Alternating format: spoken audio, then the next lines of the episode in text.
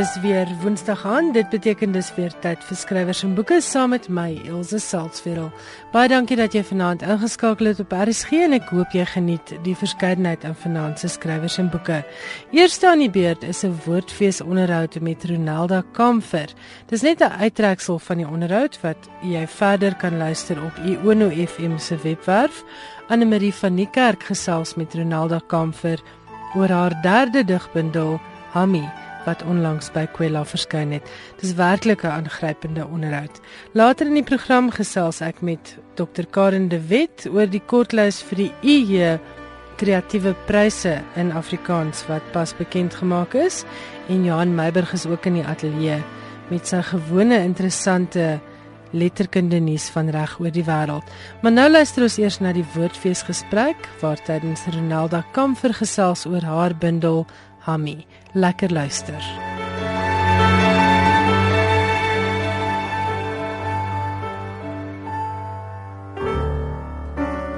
Ronaldo uh, Sonet Kamfer is in 1981 in Kaapstad gebore.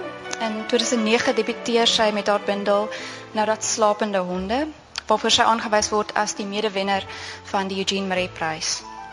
Daarna in 2011 volg haar tweede digbundel Grond Santekram Sy behaal in dieselfde jaar haar neusgraad in Afrikaans Nederlands aan die Universiteit van die Wes-Kaap.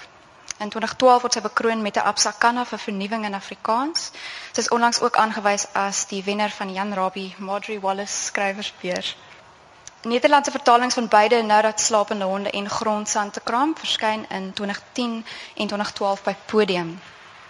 Renelda kan vir kan waarlik as een van ons voorste Afrikaanse digters beskou word. Hoewel sy na werk 'n spesifiek eh, Kaapse milieu oopskryf, bevestig sy bovenal met Hammy haar unieke digterstem. Sy gesels vanmiddag met Anne Marie van Niekerk, resensent, redakteur, akademikus, um, en 'n gerekende stem in literêre kringe en in die uitgewersbedryf. Baie dankie.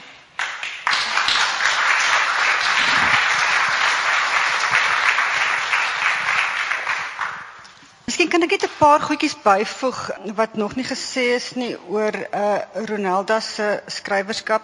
Sy is ook in die buiteland deesdae baie bekend.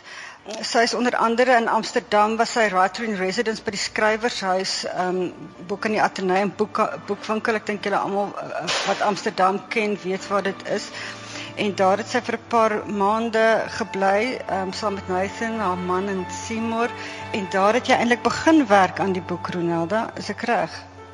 Aan aan Hami. Ja, ja, ja, dit is ehm um, ek het ek het probeer begin Ja, ja, ja. dit is waar ek probeer terug terugskryf. Ja, ja. ja. En en ehm um, behalwe daai writing residence was jy ook 'n keer in La Rochelle in Frankryk writing ja. residence en toe het jy deur die hele Frankryk gereis met 'n groep skrywers En het ja. julle veral by as ek reg is by universiteite omgegaan en ja. um, voorgeles voorgeles en ja. En van jou werk is ook in Frans vertaal en, en wat dan nou reeds gesê is twee van haar bundels is in Nederlands vertaal. So sy is besig om ook in die buiteland um, groot bekendheid uh, te verwerf. Maar Ronaldo, jy het groot geword uh by jou oupa en ouma in Grabouw. Hulle was plaaswerkers op 'n vrugteplaas. En ehm um, daar het jy die eerste 10 jaar van jou lewe deurgebring. En dan praat ons nou van dat jy nou deesdae in Parys en Amsterdam optree. Dis 'n verskriklike ver pad wat jy gekom het. Dit is is ek dink ek onthou die eerste keer toe ek in Frankryk was, was dit die ehm um, die Eiffel Tower sien. Wat my heel eerste thought was, dit remind my van as 'n mens oor Solaris Pass ry en ek kyk uit oor die Kaap, die ligte. Ja, ja. En dit is so so 'n baie weird ondervinding van dink ek daai is nog steeds vir my mooier as die Eiffel Tower. Hoe is dit? Maar maar ek kan onthou jy het eendag vir my 'n storie vertel van toe jy nog 'n klein kindjie was op die vrugteplas in Grabouw het jy saans na die sterre gekyk of een spesifieke aand na die sterre gekyk en gedink en jy het jy het gehoor van Parys en die Eiffeltoring en jy het ja. gedink dit is my droom ek wil eendag die Eiffeltoring ja. sien in Parys en nou het dit waar geword. Ja, dit was actually um ek was 'n bietjie ouer. Um dit was in Eerste Rivier. Dit was O, was jy toe al in Eerste Rivier? Dit was in Eerste Rivier en Sien, dan het um, nou klaar weer iets gekry. Ek en my vriende het, het op die hoek van die straat gesit een aand en dit donker geraak en, en ons het so rond gegaan en gevra wat is jou impossible dream? Ja. Enigiets wat jy kan dink aan wat vir jou onmoontlik sal wees. Mm. En soos ehm um, met met jong mense in 'n township was dit soos die usual soos ek wil net die high school kom so om pregnant te raak Ja. of ehm um, ek val matriek slaag of ek wil sinnet 8 slaag of whatever. En toe sê ek ek wil die Eiffel Tower sien. Dit was baie random. Ja, ja. En en dit was een van daai goed wat ek nie regtig geglo het hè. Maar ek het dit gesê en toe ek nou uiteindelik in Parys aankom en dit sien toe toe is my okay so ek het dit nogal gemaak so dit het my laat laat my En toe besef Ja, jy dis ek regtig so mooi nie. Dit is regtig mooi. Ehm kom ons kom terug na jou bundel uh, wat nou net uitgegee is Hammy. Baie mense weet nie wat Hammy beteken nie. Miskien moet ons daarmee begin dat jy dit dit word wel voor in die bundel verduidelik, maar miskien kan jy vir ons net die agtergrond Ja. daarvan gee. Hami is 'n Kaapse woord wat ma mami beteken. En ehm um, wat vir my funny was is dat gister 'n vrou gevra ehm um, gesê het vir mense gevra, sy het rondgegaan en mense gevra of hulle al die woord hami gehoor het. Mm. En dis is niemand keer ken die woord hê, soos soos ehm um, insinuating dat dit soos dit probably vir brein mense gevra of hulle die woord ken. Mm, mm. En ehm um, dit was funny vir my want in as daar een ding is wat ons almal weet is is Kaapse woorde is meestal ehm um, ongeskryf. Ja. So dis ja, is 'n dis meer vir 'n spreektaal. spreektaal. Ja. En ehm um, en uh uh Nathan het Hammy basically die is die eerste persoon wat die woord ehm um, in letterkunde het. geskryf het. Ja, ja. En ek was baie jaloers van ek het Nathan is ek het- Ronaldo se man. Ja, ek het toe die woord ges, ek het ek het vir hom gesê toe hy die gedig skryf. Dis ek ek gaan hy woord steel en hy gaan my boektitel wees. Maar okay. Soos Want ek het nog op 'n stadium jou probeer oortuig om 'n ander titel te kies, maar jy het insist. Het Dit is baie belangrik. wees. En veral vir my omdat Hammy is so 'n ding van as 'n mens van uh, uit different streke uit as jy uit um, verskillende um, streke groot word. Soos as ek in Grabouw moes gebly het, het ek vra vir my ma gesê mamma of of iets anders. Mm. Maar omdat ons Kaap toe gekom het, het die taal wat ek vir haar aangespreek het, net Kaaps geword sê. Alhoewel ons baie 'n soort van 'n meer standaard Afrikaans in huis gepraat het Ja, ja. het ek vir haar gesê Ami en daai is my soos die de- definisie van ons verhouding en ons lewe ons het op 'n soort van 'n middelpunt um mekaar gevind Ja, en ja. uh, dit is hoekom ek so attached was aan dit moet Ami wees. Moet en wees. ek het so min Kaapse woorde in die bundel soos ek moet daai woord gebruik. Ja, want um dit is so 'n powerful woord en dit is so 'n powerful Want jy skryf eintlik jy skryf standaard Afrikaans. Ja, Hier en daar ja. ge- uh, gebruik jy 'n Kaapse Kaapse woord, woord, ja. ja. En ook in ons um communities is dit vir jou impossible om vir jou ma te sê jy of jou. Ja, So respek. Hammy is soos as jy jy sal eers keer sê mami en dan soos die conversation aangaan sal dit Hammy word. O, ja. Soos en en daai is iets wat ehm um, ek die eerste keer van Nathan en Andre ontmoet en toe sê hulle toe sê Andre vir my is vir hom funny dat ek ook sê Hammy. En te begin ons besef hoe baie van hoe baie mense Mense dit die eintlik woord gebruik. gebruik, die- eintlik dit so die woord so uitspreek. Ja, ja. Ronaldo, ek dink uh, miskien is dit 'n goeie idee om dadelik te begin om om met 'n om 'n gedig of twee te lees wat spesifiek oor jou ma gaan. Ek het gedink wat van wat van om met Gertruida te begin, maar maar jy moet kies wat wat jy graag lees, maar ek het gedink miskien is dit 'n goeie ma gedig om mee te begin. Gertruida. My ma is gemaak van vlees en been. Haar stem is 'n boom wat skeef gegroei het. Haar oë is 'n gewonde dier. Haar neus is 'n naald en haar liggaam is gekneus soos vrugte onder in die bak. My ma is bang dood met 'n stikkende hart. Ek tel die glasstukkies op en begrawe dit onder my vel. Um, dan uh, na bladsy 74. Dis 'n redelike lang gedig, maar ek dink kom ons lees hom. Antigati, sisterkamer vir Antitrey. Um, dit is al die verskillende name wat mense met my aangespreek het. Ek staan by die voordeur soos 'n bouncer. Toe die lights waar optrek word alles stil. Dis my ma in die kus. My ma, my ma, my ma, my ma. My enigste enigste eie ma. 'n Klomp van haar werkmense kom ingestap. Auntie Priscilla, Auntie Joni, Suster Blommie, Auntie Ena. En my ma se lewe speel vir my af. Die is wie sy was. Nie die vrou in die huis nie. Sy was die vrou in die spysfabriek met die overalls aan en 'n hennet op haar kop wat geryk het na garlic en olives en skoonmaak chemicals. My ma was die vrou wat net gereën het op Maitlandstasie omdat die treine laat was en vir weke aan een verkoue was. Die vrou wat haar siek lief gehou het vir wanneer iemand anders in die huis siek raak. My ma is die vrou wat op Kuilsrivierstasie amper flou geval het in 'n voltrein.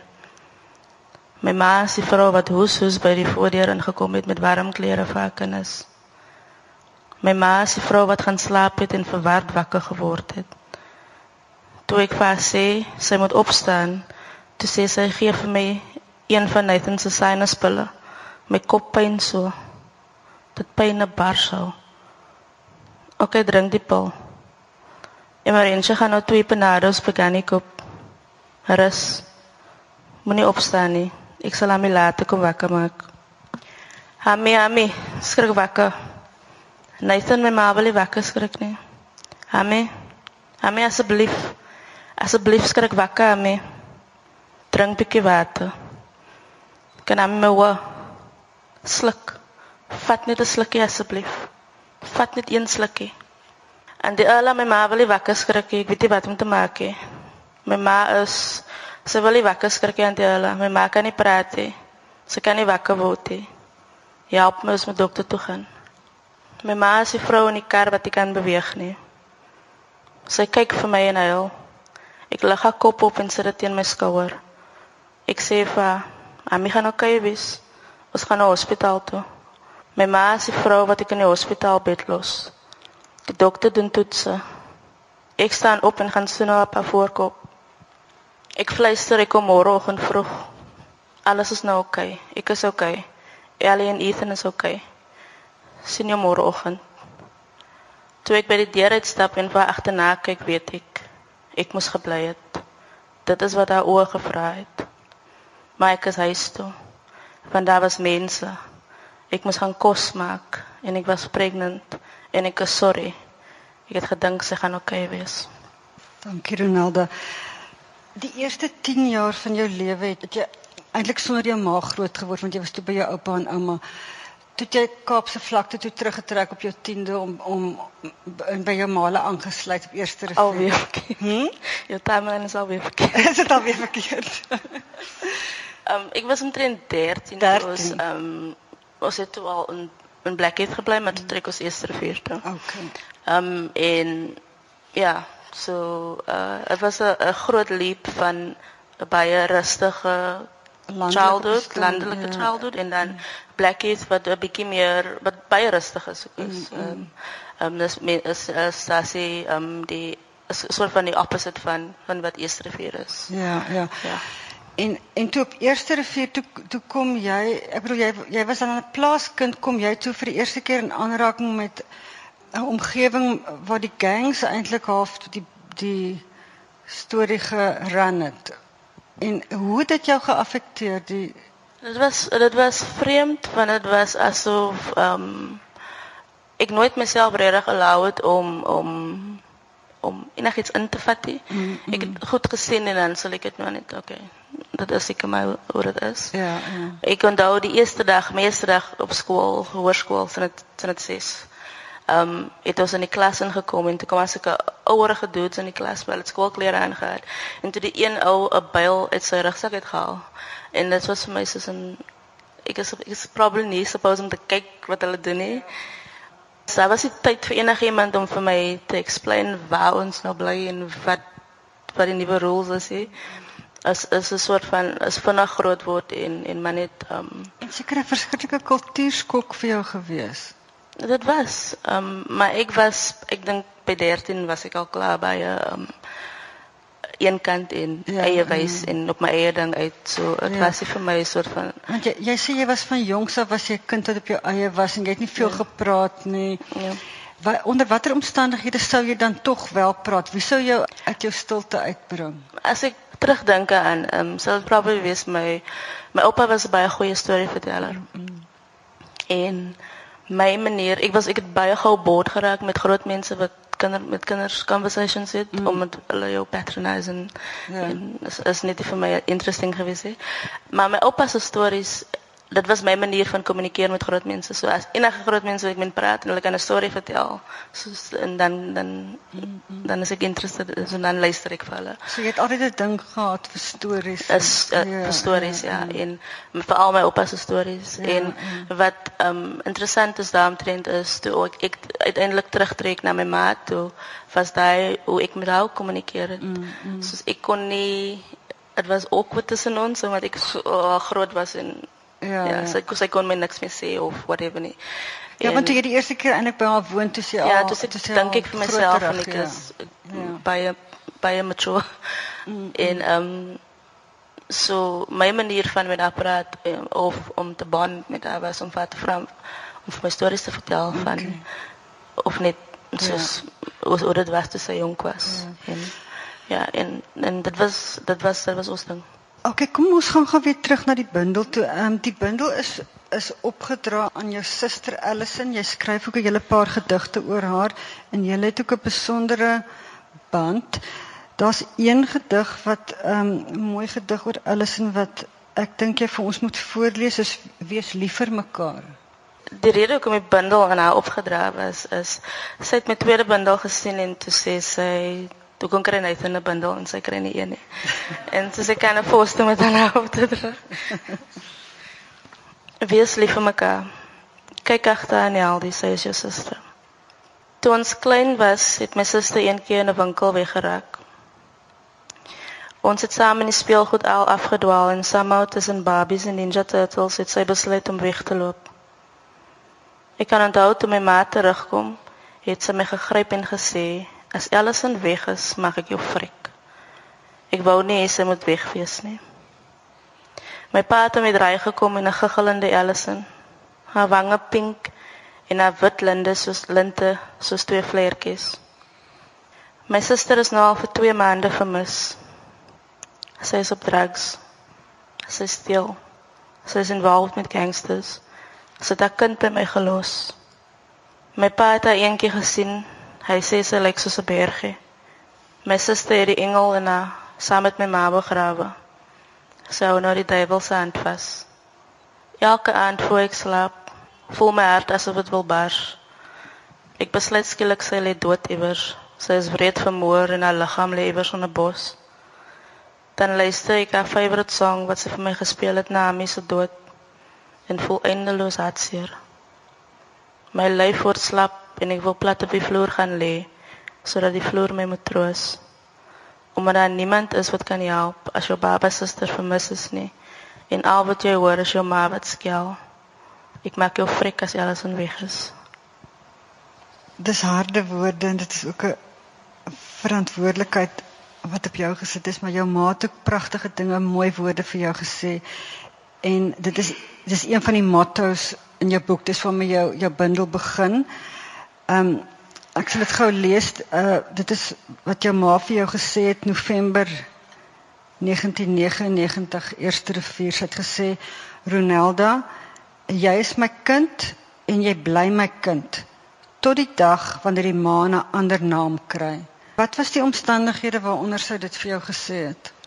99 was 'n particularly moeilike jaar vir my. Ja. Um, ek dink my oupa is dood en was matriek. Mm -hmm. En ek was net ek was net hard mes um, op alle levels wat 'n mens kan wees en ek het nou ek 'n overdose gevat soos in die hospitaal toe. En Hoe oud was jy toe? Ek was ek was 18. Okay. En ehm um, ek is hospitaal toe vir 'n week of iets en ek is uit toe ek ontslaan word toe kwam my ma my en sy is baie happy want sy het nog sy was nog convinced dat dit um, dit gaan nou weer goed. Dit gaan nou goed gaan ja. en um, toe ek by die huis kom en toe ek weer geoverdose op prescription pille en um, toe ek net aan die slaap begin raak of whatever mm. uitbas. Mm. Dit sê vir my daai gesê en ek onthou dit van dit was eers van die eerste keer ek spyt was dat ek dit gedoen het. Ja, ja, want dit was vir haar natuurlik 'n verskriklike teleurstelling gewees het en bekommernis ook dat ja, dit nou weer gebeur. En tog ten spyte daarvan kon sy vir jou sê ja. dit maak nie saak nie, jy is my kind en jy sal altyd ja. my my kind bly. Dit is pragtige roerende woorde.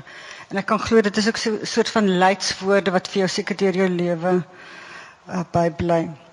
Ander motto's wat jy gebruik voor in jou boek is woorde van liedjies, van songs. Speel musiek 'n belangrike rol in jou lewe? Ja, dit doen ek, luister gewoonlik dieselfde goed oor en oor. So ek luister ek sê baie wide listeners. Maar Nathan is en ehm um, wat ek nou agtergekom het wat makliker wat dit vir my makliker maak is as ek iets wil skryf en slik vir hom sê vra wat moet ek luister en dan mm. soos uit die beste by die beste keuses wat ek ja maar die particular um motto's wat ek gebruik het is die een van Elbow en die een van REM was ek het omtrent 2 jaar niks gedoen nie soos behalwe nou Simos gebore so ek het ek het niks werk regte werk gedoen nie en ek het net um daai albums geluister oor en oor So dit is wat by my gebly het so dik. Maar, maar waarom? Was dit vir jou 'n soort van ontvlugting of Dit was net vir my is soos ek was baie sad to my mother wat is mm. veral omdat dit so omdat dinge vir ons tussen ons so goed was en mm. en sy's dood en um mm. En skielik siek siek 'n weird siekte wat niemand expecteer en dan um as daar's baie min goed wat jy vir jouself in jouself kan toelaat rondom jou. Ja, Soos as min ek kon baie min mense hanteer. Ek kon ek kon nie ek kon nie TV kyk, ek kon nie films kyk, ek kon nie lees nie. Hmm. En so die goed wat ek by my gehad het was goed wat van wat ek kon tolerate en wat ja, sag ja, was en wat ja. en daai is goed wat ek altyd aan vasgehou het mm, van van mm, 2 jaar. Mm, mm. So dit jy dit jy daai tyd gedra na jou ma se dood. Ja. Ehm um, daar's 'n pragtige gedig wat wat jy ook geskryf het van die toe jy by jou ma in die hospitaal was. Die gedig se naam is Nathan en dit gaan ook oor 'n musiek wat hy vir jou gedownload het en wat jy moes luister toe jy jou ma gaan besoek het. Ehm um, kan jy dit vir ons lees? Ek sit in wag in die ICU langs my ma se bed. My ma gaan dood. My ma is dood. Nathan het 'n song op my foon gesit wat hy insist ek moet luister sodra ek by die hospitaal kom. Tannie Margo en Liesel SMS elke paar minute. Hulle wil nie wag vir die oproep nie. Hulle wil daar wees. Hulle wil alself in my kop sit om te keer dat ek my kop verloor. Die verpleegster kom vra of sy gou my maak en gemaklik maak. Ek gaan lê op 'n bank in die wagkamer, sit my earphones in en begin Nathan se song te luister. In the still of the night, in the world's ancient light. Ek voel asof die klank in die wêreld sag gedraai is. By die einde van die song wag ek nie meer vir die dood nie. Ek wag vir hom om langs my te kom staan. Vandag was vir ons stel om 'n boring dag te wees. Ek en my ma was van plan om my baba klere uit die lywe uit te gaan haal. Hierdie aangrypende gedigte kom alles uit Ronaldo Kamfer se derde bundel Hammy.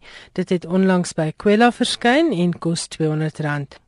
En soos ek reeds genoem het, hierdie is 'n uittreksel uit 'n onderhoud wat onlangs by die Stellenbosse Woordfees met Ronaldo gevoer is deur Anne Marie van die Kerk. As jy na die res van die onderhoud wil luister, dit is beskikbaar op Iono FM se webwerf. Ek gesels nou met Dr Karen de Wet van die Departement Afrikaans by die Universiteit van Johannesburg. Sy is die voorsitter van die keurpaneel vir die jaarlikse EJ prys vir beste kreatiewe teks in Afrikaans en dan is daar ook 'n prys vir die beste kreatiewe debuut in Afrikaans. Karen, baie welkom by Skrywers en Boeke. Dankie Ilse, altyd heerlik. Die kortlyste is nou pas bekend gemaak. Dit is nou vars vuurwarm nuus. Vertel gou vir ons hoe die inskrywings vanjaar vir hierdie twee pryse gelyk. Ja, dit is baie interessant. Mense sê dikwels oor ons nie publikasie geleenthede in Afrikaans nie, maar ons het in die orde van 50 inskrywings gehad vir die ehm um, jaar se beoordeling en 50 boeke is baie. So ehm um, die prys is nie, miskien kan ek dit asseblief sê, nie 'n genreprys nie. Dit is oor genres heen. So 'n poesiebundel, 'n drama, 'n roman, 'n speurverhaal, 'n uh, akademiese navorsing, enige teks wat daar kreatiewe inset in Afrikaans gelewer is kan in aanmerking kom. En hulle ding mee met mekaar, hulle word nie apart beoordeel nie. Nee, glad nie. Dit is glad nie in kategorieë of genres nie en dit maak dit regtig baie interessant. So daai 50 titels en waaronder ons um, in 2015 elf debutante gehad het, um, het teen mekaar meegedoen. Goed die, die elf debutante is 'n aparte prys, maar dit beteken dit nog steeds dat daar aan die orde van 40 tekste is. En die tekste was uiteenlopend. het tekste gehad, ehm um, jeugromans wat ingeskryf is, historiese speurtogte soos Karel van der Merwe se Donkerstroom oor Eugene Marais se veral Engeland jare, literêre sosiale navorsing. Um ek dink die meeste van skrywers en boeke se luisteraars het al kennis geneem van Ena Jansen se Soos familie. Ja, ons het met haar onderhoud Corina van der Spool het met haar onderhoud ook gehad oor hierdie merkwaardige boek. Inderdaad en um die boek het baie internasionale aandag. Dan um Jonker en Brink se gepubliseerde liefdesbriewe, uh spanningsromans, speurverhale, oorlogboeke, jy weet oorlogboeke wat oor die Anglo-Boereoorlog en die Spaanse burgeroorlog bymekaar uitbring. Dit is eerlikwaar 'n ryk skakering. Ja, en daar was uh digbundels en daar was twee gepubliseerde dramatekste. Ja, dit was altyd vir my so wonderlik want um eerlikwaar die drama is 'n aktiewe genre in die Afrikaanse lewe met die um kunstefeeste veral. In die onlangse verlede is die Hertogprys vir drama aan verskeie jong dramaturge toegeken en ons het twee gepubliseerde tekste gehad. En dit is altyd so moeilik om tekste dramas met studente of met leerskringe te behandel as mense nie spesifiek na die drama se opvoeding kon gaan kyk nie of die uitvoering self nie. So dit is vir my altyd 'n wonderlike ding as um, uitgewers kan sien om dramas te publiseer. Ons het twee gehad, Nicola Hanekom, um Land van Skedels en Willem Anker se Samsung Machine. Ja, ja. So dit is uh, dit is die twee dramas wat die uh, deelgeneem het en dan was al 13 digbundels. Maar stel jou voor onder 50 inskrywings is al 13 digbundels. Ja, so mense moet ook nie sê poesie kry nie genoeg aandag in Afrikaans nie, want die nee, vorige jaar was daar net so klomp. Uh, ja, dit klop nie. So baie sommige is nou nie so perfek nie, maar 13 uit 50 is beslis meer as 20%. Kom ons praat oor hierdie lyste. Die die prysgeld is lekker stewig vir die debietprys is daar R30000 op die spel en dan mm -hmm. vir die groot prys dit is nou mense wat voorheen gepubliseer het is daar 'n prysgeld van R75000. Sal ons by die debietprys se kortlys begin. Wil jy vir ons sê wie is hierdie jaar op die kortlys? Ja, omdat daar minder debiete verskyn as um, my ander is die prysgeld minder en daar die kortlys is so korter. So uh, ons kies 3 titels vir die kortlys. Ek gaan hulle nou vir jou alfabeties volgens outeur gee. En die uitslae is nog nie bekend nie. Hier is 'n kort lys. Lin Botha se Wonderboom, Johan Fourie se Struisvoël en Rula Hatting se Kamee. Albei baie interessante jong stemme. Ek hoop die lesers doen moeite om dit te lees. Ja, dit was interessante, regtig indrukwekkende debiete. En dan die die groot prys, die R75000 vir die beste Afrikaanse kreatiewe teks wat in 2015 verskyn het.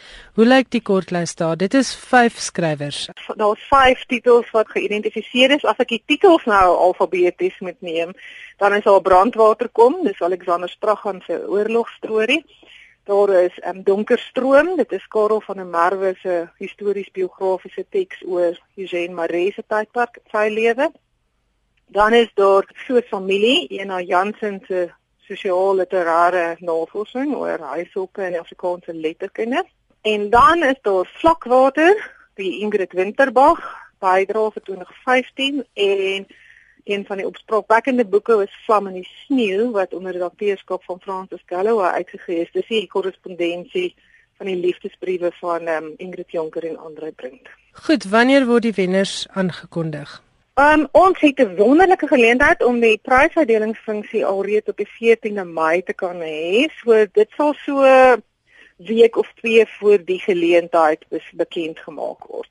So dis nie 'n te lang wag om uit te vind wie wen dan nou die IE prys vir beste kreatiewe werk vir 2015. Nee, ons sien baie uit daarna in die finale ronde en baie geluk aan al die skrywers en uitgewers. Dit is nou duidelik 'n bietjie van 'n naalkouery, maar om reeds tot op hierdie vlak te gekom het uit alles wat ingeskryf is uit die vorige jaar se publikasies, kan mens net sê goed so wel gedaan. Goed en dan dink ek is ook vir luisteraars belangrik om te weet dit is nie net 'n klomp akademici wat die beoordelaars was nie. Vertel gou vir ons hoe kies julle die beoordelaarspaneel? En wie was nou, vanjaar daarop? Ons is gelukkig dat die reglement van die EU prys baie duidelik stel dat daar bepaalde mense uit verskillende sektore of segmente moet ek eintlik sê van die lesersgemeenskap gekies word. So daar moet die, die omdat die prys in by die Universiteit van Johannesburg is, moet daar letterkundiges van die Afrikaanse departement by hier wees. Dan moet daar ehm um, media mense wees. Ons gebruik soms mense, boekmense wat in uitgewerye werk as hulle nie inskrywings het nie, want ek kan nou vir jouself dink. En dan um, moet daar ook twee ten minste twee letterkundiges van ander universiteite op die paneel sit sodat daar 'n balans kan kom. So hierdie jaar was uh, meneer Frederik Botha, hy is oomblik 'n vryskut sepie skrywer. Dr. Karen Kotel van die Universiteit van Stellenbosch, professor Marius Kraus van die Universiteit Nelson Mandela Metropolitaanse Universiteit moet ek sê, professor Ronel Joel van die Universiteit van Johannesburg, professor Marnay Pinaar van die Universiteit van Johannesburg, Dr. Alwyn Roux wat by Unisa is, Uh en dan ons twee media mense was jouself Elsje Saltwedel van RSG skrywers en boeke onder andere en uh, Corina van der Spool by Wits Universiteitsdrukkery. Dit was vir my baie lekker om as um, beoordelaar op te tree. Ek kan luisteraars verseker daar is 'n ryk oes in Afrikaanse letterkunde jaar na jaar. Ons het dit hierdie jaar weer gesien. En ek sien dan daarna uit om met jou te gesels hier aan die begin van Mei wanneer die wenners van hierdie prys vir die IE, dit is die IE prys vir beste kreatiewe teks in Afrikaans en ook beste kreatiewe debuut in Afrikaans aangekondig word. Baie dankie Karen de Wet, Dr Karen de Wet is van die Universiteit van Johannesburg en sy is die voorsitter van die keurpaneel vir hierdie prys. Dankie Elsje. Ek weet van minstens een luisteraar wat vies gaan wees omdat hy nou weer vanaand 'n klomp nuwe boeke ontdek het. Sy naam is JP Mentjies en hy het vir my so tong in die kiesbriefie geskryf en dit begin so: Ek wil net vir jou sê dat ek jou persoonlik gaan verkwalik vir my dreigende bankrotskap. Ek het sowat 3 maande gelede opgehou om TV te kyk en besluit om eerder radio te luister. Sit ek op jou wonderlike program afgekom. Sedert ek gereeld begin luister het na skrywers en boeke, het my biblioteek uitgebrei en my bankrekening gekrimp. Bykans elke week wat ek luister, ontdek ek saam met jou 'n wonderlike nuwe boek of onderwerp vir my leeslys en boekrak. Ek begin daaraan dink om dalk weer te begin TV kyk. Dit mag dalk goedkoper wees, maar ek sal voorwaar armer wees sonder jou interessante program. Baie groete van JP Mentjies. JP baie dankie vir jou lekker brief. Dis wonderlik om te weet daar is luisteraars wat werklik insiggewende inligting uit skrywers en boeke kry. Dis vir my 'n plesier om vir mense soos jy uit te saai. As jy van jou wil laat hoor, my e-posadres is skrywersenboeke@rsg.co.za. Jy kan natuurlik ook 'n SMS stuur na 34024. Elke SMS kos R1. Nou is dit tyd vir Johan Meiburg se gereelde insetsel. Johan, baie welkom in die ateljee. Jy's pas terug van die KAK&K af waar jy onder meer gaan kyk het na die kuns. Hoe lyk die kuns vanjaar? Ek was vinnig afgewees net om te gaan kuns kyk en ehm um, ek het dan 'n paar vertonings ook gesien in die, in die proses. Maar die kuns het my het my regtig beïndruk vanjaar. Die aanbod, die manier waarop dit aangebied is, is ongelooflik mooi. Hulle het Prins Vincent so netjies opgeknap en ehm um, dit lyk regtig baie mooi. Goed, dis nou lekker om jou terug te hê van nou dis 'n bietjie vars internasionale boeke nuus. Waar waarmee skop jy af vanaand? Met Imre Kertész, die Hongaarse skrywer en wenner van die Nobelprys vir letterkunde in 2002. Hy is verlede week na 'n lang siekte in Budapest dood. Hy was 86. Kertész het die Nobelprys gekry vir sy skryfwerk, so die beoordelaars destyds gesê, waarin hy die opperste waarheid omtrent die wreedheid van mense verbeeld. Heelwat van sy fiksie is geskoei op sy ervarings as 'n jong gevangene in Nazi-konsentrasiekampe. Hy is in 1944 na Auschwitz gestuur en later na die Buchenwald-kamp waar hy aangehou is tot en met die einde van die oorlog die volgende jaar. Kertész se bekendste en invloedrykste boek is die een wat in 75 verskyn het en in 92 in vertaalde vorm verskyn het as Fateless en in 2004 as Fatelessness. Dis die verhaal van 'n 14-jarige seun wat deur die verskrikking van Auschwitz en Buchenwald gegaan het. En na hereniging met sy oorblywende familie in Hongarye dit onmoontlik vind om sy ervarings met hulle te deel. Met sy verskyning het die boek weinig aandag getrek in Hongarye. En dit was die Duitse vertaling wat Kertész sukses besorg het. Juis vanweë die objektiviteit waarmee die gebeure beskryf word. In 2002 het Kertes in 'n onderhoud gesê om so na aan die dood te leef is 'n vorm van geluk. Om net te kan oorleef is die grootste vryheid denkbaar. Na Faithlessness het ook Fiasco van 1988 verskyn en daarna Kaddish for an Unborn Child in 1990. Kertes het ook as joernalis en vertaler gewerk, veral van die werk van Friedrich Nietzsche, Sigmund Freud en Ludwig Wittgenstein. Steeds by die Nobelprys en die Swetse Akademie. 27 jaar nadat die Iranse regering die doodstraf oor die Britse skrywer Salman Rushdie uitgespreek het, het die Swetse Akademie die fatwa eindelik veroordeel. Twee lede het in 1989 uit die akademie bedank nadat die liggaam wat onder meer die Nobelprys vir letterkunde aanwys, geweier het om Ayatollah Khomeini se fatwa oor Rushdie vir sy boek The Satanic Verses te veroordeel. Rushdie het volgens die Ayatollah teen Islam gelaster. Die akademie het wel vryheid van spraak verdedig, maar Rushdie nie openlik verdedig nie, omdat die akademie geglo het hy wil nie by politiek betrokke raak nie. Presies wat die hartsverandering nou teweeggebring het, is nie duidelik nie, hoewel dit kan volg op die onlangse besluit van die Iranse staatsbeheerde media om 600 000 Amerikaanse dollar te koppel aan die fatwa. In 'n verklaring het die akademie nou gesê die feit dat die doodstraf uitgespreek is as straf vir 'n letterkundige werk is 'n aantasting van spraakvryheid en bygevoeg dat letterkunde vry moet wees van politieke beheer. 'n Reaksie op die verklaring het Rushdie getweet: Ek is dankbaar teenoor die Swetse Akademie. Ek is intens dankbaar vir die verklaring. Rushdie, hy is nou 68, het om jare lank na die uitspreek van die fatwa skuilgehou. Die boek is verbied in Indië, Pakistan en Iran.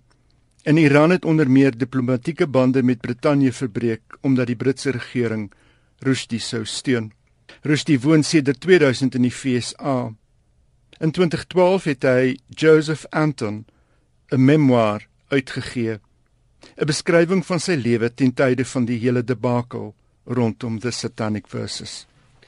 So ek wil net seker maak hy skuil nou nie meer nie. Hy leef nou openlik. Ek dink nie hy skuil meer soos wat hy indertyd geskuil het nie, maar ek ek ek dink uh, ek dink daar's nog dat hy op straat rondloop. Daar's nog 'n hele lot ehm um, veiligheidsmaatreëls rondom. Ja, daar moet sekerlik wees. Ja, ja. ja en, en dit is wat my betref nie inmeng met politiek nie. Dit is doeteenvoudig die verdediging van 'n baie belangrike vryheid. Ek kan ook nie verstaan dat hulle 27 jaar gewag het vir dit nie. Marian, wat's volgende op jou lysie? Die Belgiese digter Pieter Verhelst het die 9de Ida Gerard Prys vir poësie verower met sy bundel Wy totale vlam. Die prys is genoem na die Nederlandse digter Ida Gerard wat geleef het van 1905 tot 1997 en dit word elke 2 jaar toegekend. Die prysgeld is sowat 41000 rand. Die ander benoemdes vir die prys was Alfred Schaffer vir Mens, dier, ding en Maud van Howard vir haar wysyn ewewydig. Die werk van die drie benoemdes is gekies uit 138 bundels. Wy totale vlam is verhelst se 12de bundel. Hy het tevore reeds die Herman de Koning prys en ook die Jan Kampert prys vir sy skryfwerk ontvang. Benewens gedigte skryf hy ook prosa en teatertekste. 'n Laaste brok, Foils die Britse boekwinkel wat aan die Foils familie behoort, en wat tot onlangs teen 'n verliesbedryf is. Het nie net 'n nuwe winkel in Londen se Charing Cross Road oopgemaak nie, maar verlede jaar ook 'n vet wins gemaak. Verkope in die nuwe winkel, 'n entjie van die ou foils in dieselfde straat, het verlede jaar met 10% toegeneem. Die winkel op 4 vlakke en met 200 000 titels of byna 7 km se rakke het ook 'n auditorium waar skrywers soos die romanskrywer Hilary Mantel en die kosguru Yotam Ottolenghi gereeld optree. Paul Curry, Foyle se uitvoerende hoof, meen die sukses is toe te skryf aan noukeurige kostebeheer en 'n slim bedryfstrategie. Dis fantasties. Dit laat my dink aan daai wonderlike Hamleys speelgoedwinkel dis mos ook ek dink is in Oxford Street Ja. in Londen. Dis in Kensington. Ja, so dis wonderlik om te dink daar's nou 'n boekwinkel wat amper soveel pret gaan wees as om. 'n speelgoedwinkel te besoek. Dankie Johan, dit was 'n baie lekker interessante bydrae. Net voordat ek afsluit met finansies skrywers en boeke so 'n bietjie inligting vir mense wat nuuskierig is oor werksgeleenthede in die uitgewersbedryf en wat dalk droom van 'n loopbaan in die uitgewersbedryf. Die NBA Akademie, inisiatief van NBA Uitgewers, bied weer April en Mei vanjaar kort kursusse oor verskillende aspekte van die uitgewersbedryf aan. Dit volg op die sukses van verlede jaar se kursusse deur die NBA Akademie.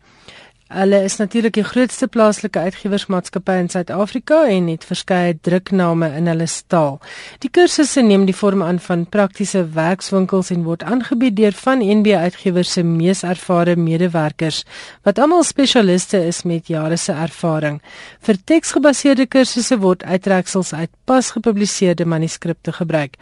Daar is weer net soos verlede jaar kursusse in Kaapstad en Pretoria. En hierdie jaar is daar onder meer twee proefleeskursusse.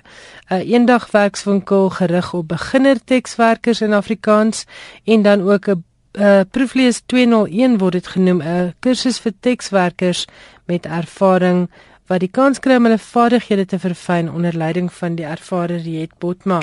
Sy bied albei hierdie kursusse aan. Dan is daar ook 'n kursus hoe om 'n e-boek te kontroleer. Die kontrolering van e-boeke is 'n splinternuwe vaardigheid wat die boekbedryf benodig. Iemand moet kan seker maak dat die inhoudsopgawe reg opgestel is en dat die e-boek en ander visuele materiaal reg vertoon. En hierdie kursus word aangebied onder leiding van 'n spesialis in die veld, Serene Estreisen, maar let daarop dit is 'n kursus wat in Engels aangebied word. Nog 'n baie nuwe kuns is die ontwerp van 'n elektroniese boek en al is jy 'n gesoute boekontwerper, is dit nie noodwendig te sê jy weet hoe om e-boeke te ontwerp nie. Wouter Reinders het jare se ervaring in tipografiese ontwerp en hy verstaan ook die uitdagings van e-boekontwerp. Hy gaan ook 'n kursus hierin aanbied en dit word ook in Engels aangebied. Nog 'n kursus oor boekontwerp is die kursus deur Nazli Jacobs en Wouter Reinders. Hulle gaan opleiding gee ten opsigte van hierdie proses en jy het vir hierdie kursus sowel as vir die elektroniese ontwerp boekontwerp kursus het jy 'n kennis nodig van InDesign 6. Dit is 'n rekenaarprogram en kennis hiervan is 'n voorvereiste vir die bywoning van hierdie twee kursusse.